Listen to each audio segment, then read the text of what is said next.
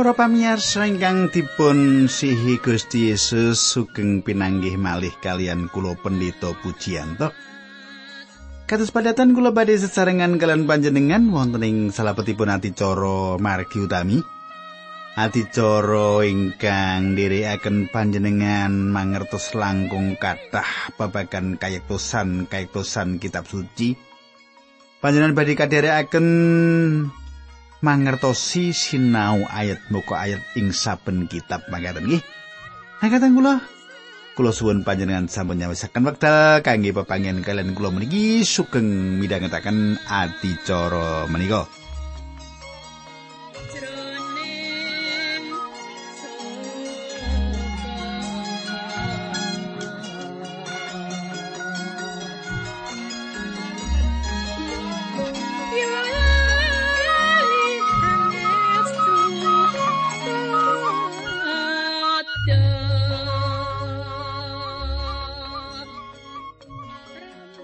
Para pamirsa menapa panjenengan tasih kemutan menapa ingkang kula aturaken duk pepanggihan kita kepengker. Ing pepanggihan kita kepengker kita sampun nyemak kados pundi bangsa Israel nyuwun raja dumateng Gusti Allah. Bangsa Israel nyuwun wontenipun raja dumateng Gusti Allah. Gusti Allah badhe maringaken dumateng bangsa menika Tiang ingkang dados rot nanging menika mboten badhe nguntungaken bangsa menika. Selajengipun kados pundi kadang kula kita badhe lajengaken sama menika nanging saderengipun menika kula badhe ngaturaken salam rumiyin nggih sadurunge tak teruski. Ibu Debora, nggih Ibu Debora. Ibu Debora menika wonten kawonganten dusunipun nggih. Bu Debora kados pundi pawartos panjenengan Ibu saya-saya to? Inggih kula nek dateng gereja panjenengan panjenengan mimpin kur ngaten menika wah rasane nyangati trecep-trecep ngaten nggih Nah kadang kula monggo kita tumungkul kita ndedonga sesarengan. Duh Kanjeng Rama ingkang ada dampar wonten kraton ing kasuwargan kawula ngaturaken gunging panuwun menawi wekdal menika kawula saged tetunggilan kalian sedherek-sedherek kawula lan kawula badhe sinau babagan kayektosan kitab suci. Kawula pasrahaken wonten ing asta paduka gesang kawula Gusti linambaran asmanipun Gusti Yesus Kristus. Kawula netunggal haleluya. Amin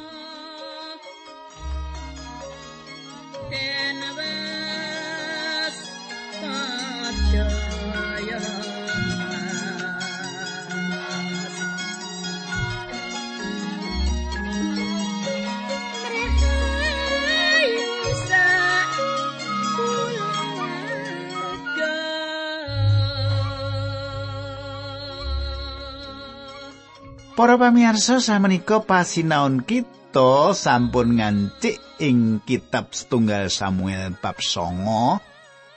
Kitab setunggal Samuel bab songo kula badhe maosaken ayat setunggal ana wong sugih kang gedhe kawibawani.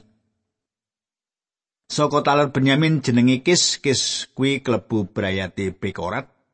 Bagiane kala wangsa Afiah, bapakne jenenge Abiel dene mbae Seror. Mandek mriki liyen. Para pamirsa, Kis menika bapakipun Saul asalipun saking talar Benyamin inggih saking talar menika asalipun raja ingkang kawitan. Kula lajengaken maos ayat kali. Kis duwe anak lanang jenenge Saul.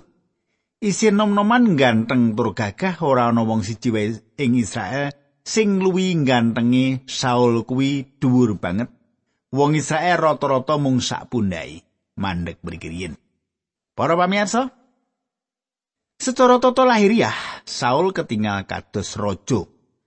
Nanging salaresipun piyambakipun sanes raja ingkang salaresipun.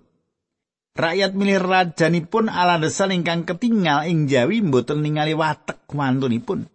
Inggih awit namung ingkang ketinggal ing Jawi ingkang dipun pilih raja pramila bangsa menika mapanaken badanipun wonten ing kahanan ingkang bebayani wekdal menika. Tiang-tiang Israel kepingin gadah raja lan tiang-tiang Israel menika remen Saul. Tiangipun inggil, prakawisipun inggih menika anggenipun piyambakipun dipun pilih dados raja menika mboten alandesan menapa ingkang wonten ing manahipun. Ngaten nggih, ayat 3 lan 5. Ing sawijining dina kul dinikis ana sawetara sing ilang. Mulane kondo karo Saul ngajak batur siji kulti-kulti sing ilang kuwi golek ana. Bareng padha tekan tanah Syub, Saul kondo karo bature, "Ayo padha mulih wae, Bapak bisa uga luwih nguwatirake kita tinimbang kulti-kultine." Para pamirsa, Saul lan baturipun sampun madosi kewan ngen-ngenanipun bapakipun dateng pundi-pundi nanging mboten manggihaken. Ayat 6 lan 7, bature mangsuli mangke rumiyin. Ing wonten tiang abdinipun Allah, tiang menika kajen mergi sedaya ingkang dipun cariyosaken tentu kelampahan. Monggo sami mriku mbok menawi kita badhe dipun tedhai kuldi-kuldi menika wonten pundi. Tembungi Saul. Yen mrono apa sing bakal kita taosake, sangu kita wis meh entek mongko kita ora ora duwe apa sing kena diaturake abdine Allah kuwi. Batur mau kondo kararsan kula tasih gadah harta perak setunggal. Badhe kula aturaken dhateng abdi ngalah menika supados kersa nedahaken wonten pundi panggenanipun kuldi-kuldi menika. Selajengipun wonten keterangan sekedhik saking Sang Roh Allah ingkang migunani ayat songo dek biyen ing antarane wong Israel semangsa ana wong kang arep nyuwun pitedhai Gusti Allah iku ngucap mengkene payo padha sowan marang wong sitik awit nabi kang saiki iki dek biyen disebut wong sitik Para pamirsa tiyang ingkang gegayutan kalian parewangan lan kapercayan dumateng roh menika dipun sebat tiang sidik. Gusti Allah ngersakaken nami sanes kangginipun abdi kagunganipun lan abdi menika dipun sebat nabi. Inggih menika Samuel dados nabi saking kawitan ingkang nglenggahi kalenggah nabi. Sampun tentu Samuel satunggalipun tiang ingkang dipun rembak dening Saul lan baturipun. Ayat 18 Saul lan bature banjur mangkat menyang kutha sarta bareng mlebu ing gapura weruh Samuel marani dheweke lagi lumaku menyang panggonan ngibadah. Kadang kula lampahipun Samuel lan Saul dalah baturipun boten lelawanan nanging tiang tiga menika kepanggih wonten ing margi. Ayat gang 11 sedina sadurunge kuwi Gusti Allah maringi wangsit marang Samuel mengkene. Para pamirsa asring wonten pitakenan kepiye Gusti Allah wawan pangandikan ing jaman perjanjian lawas? Nalika ditulis Gusti Allah ngendika Manut kula ing wekdal dipun sebataken bilih Gusti Allah ngandika panjenenganipun paring pangandikan. Menapa ingkang kula pirengaken inggih menika tembung-tembung. Inggih menika ingkang mlebet ing nalar lan temtu kemawon inggih tembung-tembung menika ingkang dipun pirengaken Samuel. Ayat 16 Sesuk kira-kira padha karo wektu iki aku bakal ngutus wong saka wengkon Benyamin nemoni kowe. Wong kuwi jebatono dadi pangareping umatku Israel. Dheweke bakal nyelametake umatku saka wong Filistin.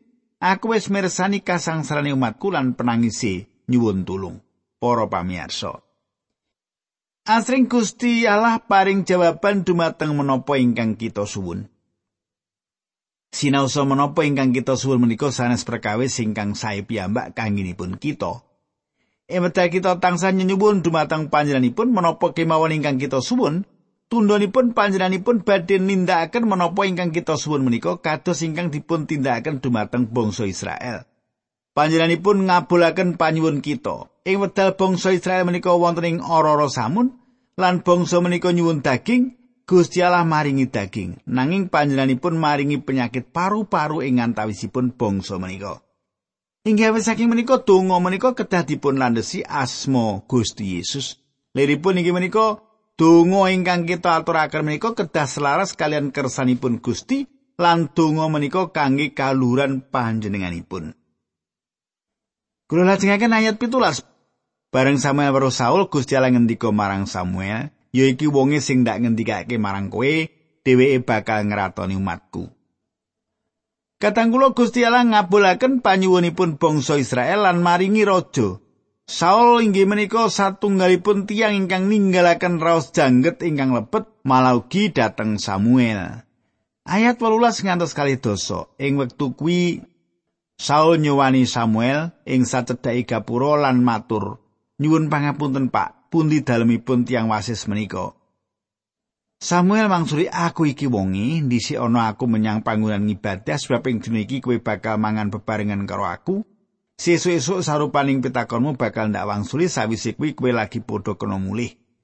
Bab ilangi kulti-kultimu tulung dina kepungkur aja kok semalangake sebab wis ketemu ana meneh. sing pengaji dhewe ing Israel bakal diparingake marang kowe lan brayati bapakmu. Para pamirsa, Saul sejatosipun sanes pilihanipun Gusti Allah. Gusti Allah maringi tiyang ingkang dados raja kados ingkang dados pepinginanipun bangsa Israel menika. Ing wekdal bangsa Israel menika nyuwun raja, pramila Gusti Allah maringi menapa ingkang dipun suwun menika. Ayat selikur, Saul mangsuli kula menika saking talar Benyamin, talar ingkang alit piyambak ing Israel, berayat kula menika tanpa pengaji wonten talar menika dados kados pundi bapak ngendika ingkang mekaten dhateng kula. Kadang kula Saul ketinggal sangat lembah manah. Israel yang wekdal semanten sawek wonten ing kahanan perang lan gunggungipun bangsa menika kathah. Saul mboten wonten alasan ajrih ngadepi peperangan menika. Manut kula patrapipun menika satunggalipun patrap lembah manah ingkang salah kaprah. Sejatosipun Saul rumaos saestu yakin bilih piyambakipun ingkang badhe dados raja. Samenika ayat kali likur. Samuel banjur ngajak Saul lan Baturi mlebu ing kamar gedhe banjur dipernahake ing papan istimewa ing sangareping para undangan cacahe kira-kira ana wong 30. Kateng kula ing mriki Samuel cetha ngundangi para pemimpin supados sesarengan kalian piyambakipun. Ayat 13 ngantos 17 makaten. Sebanjure Samuel perintah marang juru masak. Daginge sing disimpen sing mau ndak titipake kowe latihno mrene. Juru masak mau banjur njupuk daging pupu sing pilihan diladekake ngarepaning Saul Samuel kondo iki bagian sing ndak sisihake kanggo kowe supaya kok pangane wektu iki bebarengan karo para tamu mula panganan. Saul nuli mangan dadi ing dina kuwi Saul mangan bebarengan karo Samuel. Sawise kuwi banjur padha mudhun saka panggonan ngibadah lan mlebu ing kutha. Saul diwenehi kamar kanggo turu ing payonaning omah. Banjur mapan turu. Bareng wis bangun esuk Samuel ngundang Saul kang ana ing payon mau tembungi, "Tangyo, ayo ndak terake lunga." Saul tangi banjur mangkat bebarengan karo Samuel. Bareng wis tekan ing pinggiring kita, Samuel kondo karo Saul, batur iku konon mlaku disiki. Batur mau nuli mangkat dene Samuel kondo meneh. Mandeko ing kene sedilok kowe arep tak kandhani pangandikane Allah. Para pamirsa wonten ing pangandikan menika kita nyemak kados pundi resminipun ingkang dipun lampahi menika. Saul nedha kalian Samuel dinten menika lan tiyang kali menika ngawontenaken komperensi. komperensi. Samenika kita lumebet ing setunggal Samuel sedoso. Ayat setunggal. Samuel banjur njupuk kendi silengo saitun disuntak ing sirai Saul. Saul banjur diambung karo kondo Gusti Allah wis njebati kowe supaya ngeratoni umat Israel. Kuwi bakal ngayomi wong-wong kuwi saka mungsu-mungsuhe iki tandane yen Gusti Allah wis milih kowe dadi ratuning para umat. Katanggulo Samuel njebati Saul dados raja lan salajengipun piyambakipun ngambung Saul. Saketuki menapa ingkang dipun tindakaken menika minangka tondo kados pundi Samuel secara pribadi rumaos remen dumateng Saul. Ayat kalih salungamu saka kene kowe bakal ketemu wong lanang loro ing sacedhake kuburane Rahel ing Silsah ing wilayah Benyamin. Wong-wong kuwi bakal ngandani kowe kulti-kulti ingkang sampeyan padosi menika sampun kepanggih. Samenika bapak sampeyan manahipun sampun bingah nanging gentos priatos pados rekodaya sagedipun manggihaken sampeyan. Katang kula panjenengan semak. Samuel anggenipun njebati Saul dados raja wonten ing caketanipun kuburan Rahel ingkang wonten wengkonipun Benyamin ing caketipun Bethlehem. Bab sedasa ayat gangsal sawise kuwi kowe kudu lunga menyang puntuke ngalah ing Gibea. Panggonane kemahe wong Filistin ing gapuraning kutha kowe bakal petukan karo rombongan nabi sing ngudun saka mespe ing dhuwur puntuk. Wong-wong padha jejogetan lan bengok-bengok terbangan njlempung lan nyuling. Kadang kula inggih makaten menika ingkang badhe dipun panggi Saul ing wekdal piyambakipun wangsul dhateng griya. Ayat 6. Ing wektu kuwi uga kowe bakal ditedhaki roh Allah lan kowe bakal melu jejogetan bareng karo pambengoke wong-wong mau lan atimu dianyarake. Para pamirsa. Menapa Saul sampun mertobat? Manut kula niat Saul mboten murni lan mesti kemawon piyambakipun mboten mertobat kanthi golong giliking manah. Panti Sang Roh Allah ngalimputi piyambakipun, piyambakipun dados manungsa ingkang benten. Nanging ing mriku mboten kasrat bilih piyambakipun dados tiyang ingkang inggal. Raugi Sang Roh Allah tumedhak atas Biliam lan kita mboten gadah bukti bilih Saul menika sampun mertobat. Ayat 9. Lagi wae Saul mungkur saka panggonane Samuel, Saul nampa bebutan anyar saka Gusti Allah, apa sing dikandhakake dening Samuel marang Saul kelakon ing dina iku. Kadang kula Samuel lepat anginipun jongko Saul nanging piyambakipun boten gadah ganjaran kasopan kangge dados raja. Ayat 10 ngantos 11 bareng Saul lan abdine tekan Gibea padha ditemoni dening rombongan nabi, dek semono Saul ditedhaki roh Allah, melu jejogitan lan surae para nabi mau. Wong-wong sing wis padha tepung bareng muruh pratingkai Saul banjur padha takon tinakonan. Anake Kis kuwi kenapa? Apa Saul ya nabi? Kadang kula Sang Roh Allah nedhaki Saul lan piyambakipun meca saben tiyang ingkang wanuh kalian piyambakipun sadaringipun mangertos bilih wonten satunggalipun bab ingkang dumados ing sal menika tiang-tiang menika tanglet. Menapa sal menika kalebet golonganipun para nabi? Gusti Allah maringi satunggalipun wewenngan dumateng Saul nanging imanipun Saul gagal ayat 16 Saul mangsuli Samuel ngendika bilih kewan-kewan wau sampun kepanggih nanging Saul ora crita marang pamani yen dheweke wis dijebati dening Samuel dadi raja Saul mboten carios babagan bilih piyambakipun dijebati dados raja. Ayat pitulas ngantos songolas. Samuel banjur ngundangi wong-wong Israel supaya kumpul ing Mispa lan kondo karo wong-wong mau, yaiku sing dingendikake dening Gusti Allah Israel. Aku wis ngentasake kowe kabeh metu saka tanah Mesir lan nguwalake saka panguasane wong Mesir sarta bangsa-bangsa liyane sing nindes kowe kabeh. Aku wis mbebasake kowe kabeh saka sekabehing kasangsranan keprihatinan, nanging saiki kowe padha ngemoy aku Gusti Allahmu sebab kowe nyuwun supaya aku njumenengake raja kanggo kowe kabeh. Yen mengkono, padha kumpul ing ngarsaku Gusti Allahmu manut wewengkon lan talarmu. Para pamirsa, ing wekdal bangsa Israel nyuwun raja lan mendet Saul, menika ateges bangsa Israel menika sampun ngungkuraken Gusti Allah. Kita perlu nyatet bilih anggenipun bangsa menika nampeni Saul dados raja ateges bangsa menika nampi Gusti Allah. Ayat selikur lan rolikur, bareng berayate talar Benyamin padha dikon maju, berayat matri sing katuding, wekasane para wong lanang ing berayat matri mau lan Saul anake sing katuding, wong-wong banjur padha goleki Saul nanging dheweke ora ana. Mula wong-wong banjur padha matur marang Gusti Allah. Nuwun Gusti, menapa tiang menika sampun wonten ing ngriki? Pangandikane Gusti Allah, Saul ndelik ana ing mburine barang-barang. Para pamirsa ing wedal ditimangsanipun Samuel badhe nempangaken Saul dumateng tiang kathah. Bile piyambakipun menika ingkang dados rajanipun, Samuel mboten manggihaken Saul menika. Saul kados lali alit kadang kula piyambakipun mlajeng lan singitan.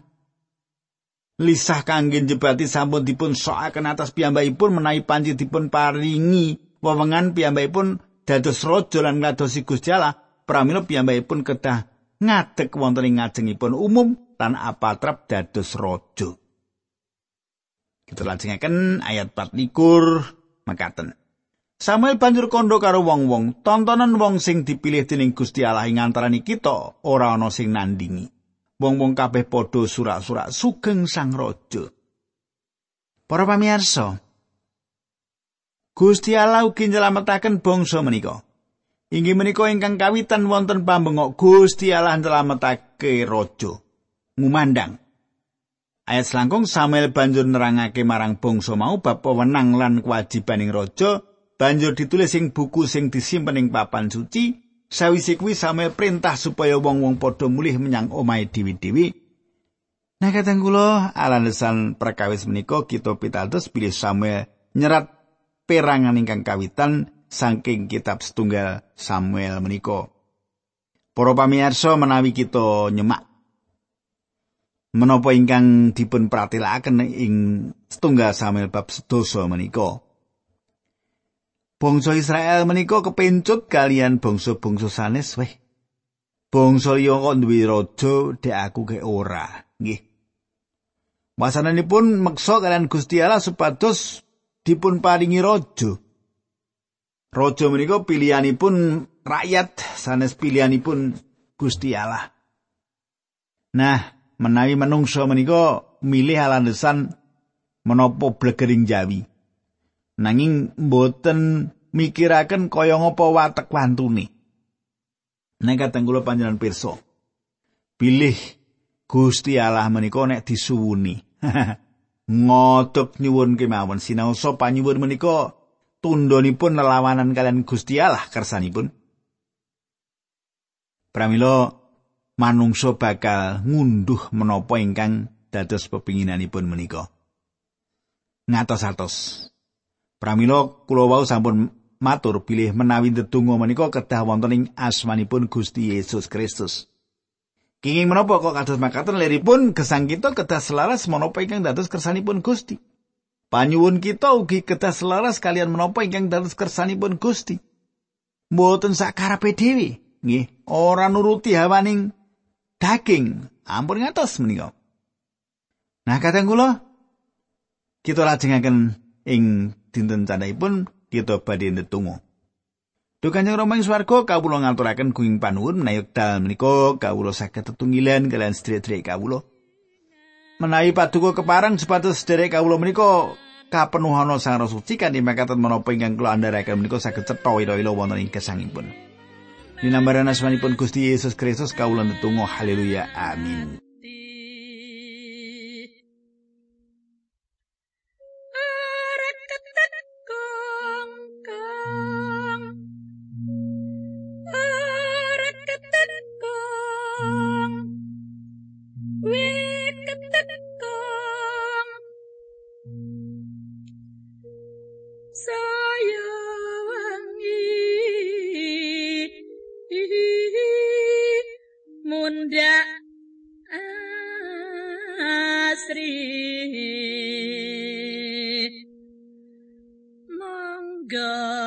Bapak kudu